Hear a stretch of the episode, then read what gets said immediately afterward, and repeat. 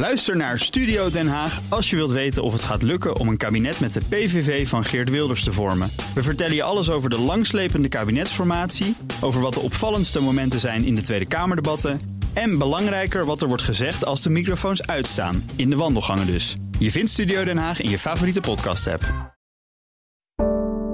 Een goedemorgen van het FD. Ik ben Paulien Zuster en het is donderdag 21 december.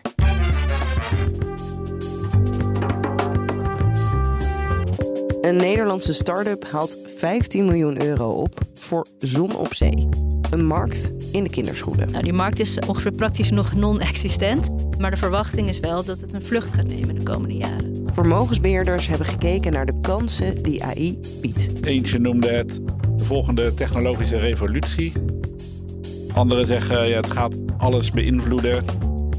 En uh, veel van hen zien het ook als een grote kans voor de belegger. En de Europese rechter zegt... de Europese Commissie had eigenlijk niet mogen toestaan... dat de Franse overheid Air France KLM coronasteun gaf. Het Hof spreekt van een beoordelingsfout, het is onterecht gebeurd... maar of daarmee de steunoperatie teruggedraaid zal worden... dat lijkt me niet erg waarschijnlijk.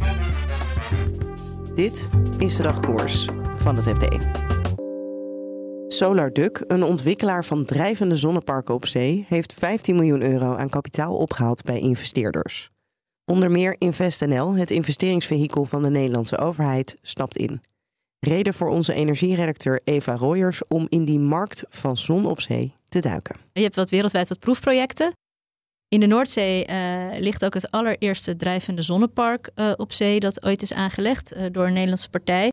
Maar dat gaat allemaal eigenlijk nog om proefproject om de techniek te testen, te kijken hoe het werkt. Maar de verwachting is wel dat het een vlucht gaat nemen de komende jaren. En waarom zou je zonnepanelen op zee leggen als je ze ook op land kan leggen? Goeie vraag. Nou, de voorkeur gaat vaak in eerste instantie uit naar land, want het is goedkoper. Uh, maar ja, land is ook schaars, zeg maar. Hier raken de daken ook vol. Wij willen ook geen, uh, bijvoorbeeld geen zonnepanelen meer op weilanden liggen. En je hebt heel veel grote steden, denk aan Hongkong, aan Tokio, waar gewoon weinig ruimte is, maar wel heel veel mensen wonen. Dus waar heel veel vraag is straks naar duurzame energie. En dan zou inderdaad uh, een uitwijken naar de wateren een optie uh, kunnen zijn. En is er ook nog een voordeel ten opzichte van wind op zee bijvoorbeeld? Nou, bijvoorbeeld in de Noordzee zal je zien dat het complementair is. Dus is het idee dat er zeg maar, zonneparken tussen de windmolens komen te liggen. Dat is ook in de laatste tender was het ook, is dat ook een eis van de Nederlandse overheid. Uh, en dat is heel handig, want dan kan die zon gelijk op dezelfde stroomkabels naar het land. Maar je hebt ook delen van de wereld waar uh, wind op zee lastig is. Bijvoorbeeld omdat er weinig wind is. Dus rond de Evenaar is er, uh, is er minder wind.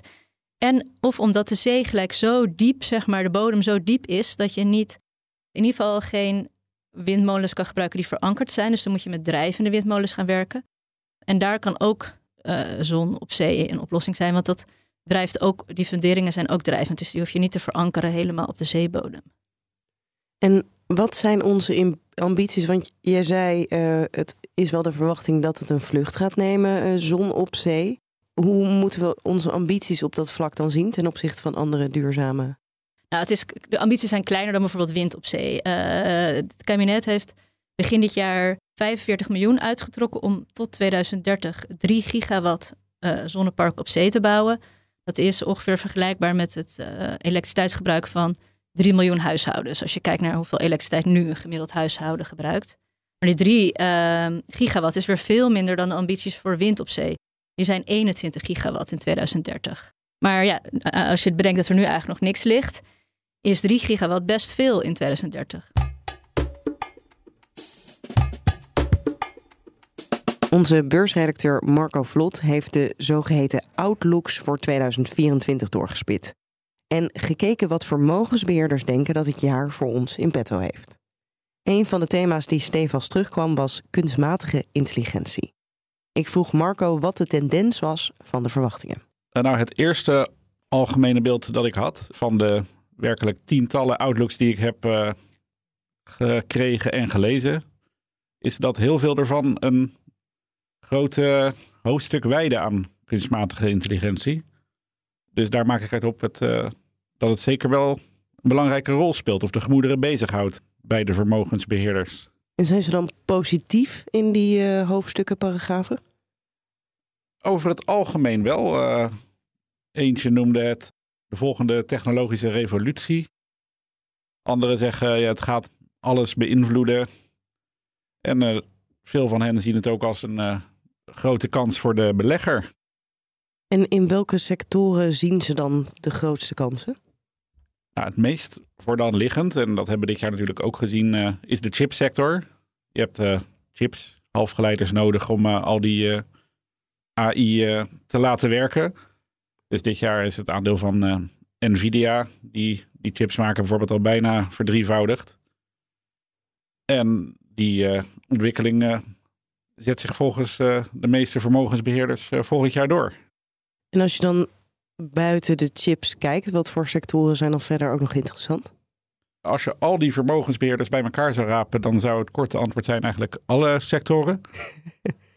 maar um, ja, wat specifiek wordt genoemd, uh, de gezondheidszorg uh, wordt gebruikt om uh, betere diagnoses te stellen en allemaal andere dingen te doen. Ehm, online veiligheid tot aan energie. Want ja, al die AI draait natuurlijk op computers die ergens moeten staan. En dat kost uh, natuurlijk klauw aan energie. Dus uh, energiebedrijven gaan ook profiteren. En zo zijn er nog superveel sectoren manieren te vinden waarop AI een impact gaat maken. En vallen er in al die hoofdstukken van verwachtingen voor beleggers ook nog negatieve geluiden te vinden? Of is het alleen maar Hosanna kansen overal? Nou, sommige vermogensbeheerders en banken zijn wat voorzichtiger. Er is er één die zich afvroeg of de hype misschien al uh, voorbij is. Omdat, uh, ja, er zitten ook wel wat moeilijkheden aan. Want uh, ja, al die techbedrijven die dan al die nieuwe AI-dingen gaan maken, ja, die moeten dat nog maar bewijzen of dat gaat lukken. En dan was er ook iemand die zegt van ja, al dat beleggen in nieuwe technologie is natuurlijk wel heel spannend. En je weet niet hoe het allemaal gaat aflopen en welke bedrijven het goed gaan doen. Dus misschien kan je maar beter toch eh, even wachten en beleggen in de minder spannende, maar veiliger bedrijven. En dan Air France KLM. De luchtvaartmaatschappij kreeg tijdens de coronaperiode steun van de Franse overheid. Met toestemming van de Europese Commissie. Die goedkeuring was onterecht, oordeelt de Europese rechter nu.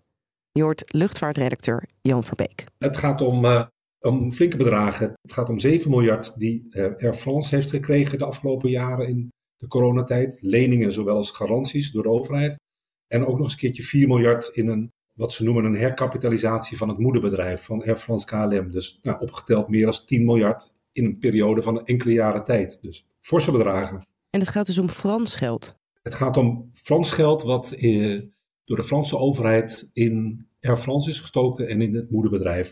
En de Europese Commissie had daar eerder uh, groen licht uh, voor gegeven. Ryanair die heeft dat aangevochten. waarom was Ryanair tegen? Ja, Ryanair was tegen omdat ze vinden dat dit uh, oneerlijke concurrentie is. Ryanair is een, een prijsvechter, een, een, budgetmaatschappij, opererend van oorsprong vanuit Ierland. En die vinden dat alles op in hun ogen eerlijke concurrentie moet gebeuren. En als er nationale overheden uh, miljarden gaan pompen in noodlijdende luchtvaartmaatschappijen, dan is er geen sprake meer van eerlijke concurrentie. En dat wilden zij aan de kaak stellen. En uh, je moet weten, heeft Ryanair dan, hoe is Ryanair dan zelf de crisis doorgekomen? Nou, ze hebben wel wat steun gekregen van de overheid, maar het was dan generieke steun. Zoals alle andere maatschappijen en bedrijven dat gekregen hebben. Maar ze hebben geen miljarden steun gekregen, zoals bijvoorbeeld een, een Air France of een Lufthansa of een KLM dat gekregen heeft. En de staatssteun is al wel weer terugbetaald ook, toch? Vanuit Air France naar de Franse overheid. het is wel belangrijk om inderdaad uh, vast te stellen dat zowel de Fransen uh, hebben hun staatssteun al terugbetaald. Dat hebben, voor het laatst hebben ze dat in het voorjaar gedaan, afgelopen voorjaar. KLM was zelfs iets voorspoediger, die heeft het uh, vorig jaar al terugbetaald. het ging ook om kleinere bedragen. Dus eigenlijk zijn, ehm, staan de luchtvaartmaatschappijen Air France en KLM weer gewoon volledig op eigen benen. Alleen, um, ja, die, die die periode van twee jaar dat er staatssteun verleend is, die, eh, die heeft nog wel eh, een nasleep. En is het nu zo simpel dat ik kan zeggen, de Europese rechter is het eens met uh, Ryanair, de commissie had het niet mogen goedkeuren? Wat de gevolgen precies van de uitspraak zijn, blijft nog wat moeilijk te, in te schatten. Of is wat moeilijk in te schatten. Er is nu een arrest dus gewezen. Het, het, Hof spreekt van een beoordelingsfout. Het is onterecht gebeurd. Maar of daarmee de steunoperatie teruggedraaid zal worden, dat lijkt me niet erg waarschijnlijk. We hebben een beetje houvast aan een uitspraak van een paar jaar geleden. Toen is de steun aan KLM ook al aangevochten door Ryanair. Ook weer door, door Ryanair. Die heeft die zaak toen gewonnen. Eigenlijk op dezelfde manier zoals dat nu min of meer gebeurt. Alleen toen heeft het Hof, de hoogste beroepsinstantie, dus gezegd van ja, we kunnen dat niet terugdraaien. Want dat zou te veel schade berokkenen aan de Nederlandse economie, aan de luchtvaartsector.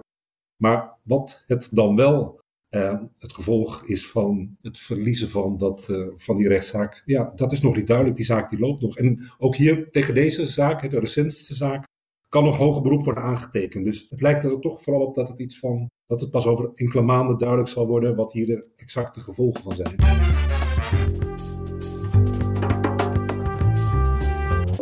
Dit was de dagkoers van het FD. Mocht je je nog niet op ons geabonneerd hebben in je podcast-app, doe dat dan.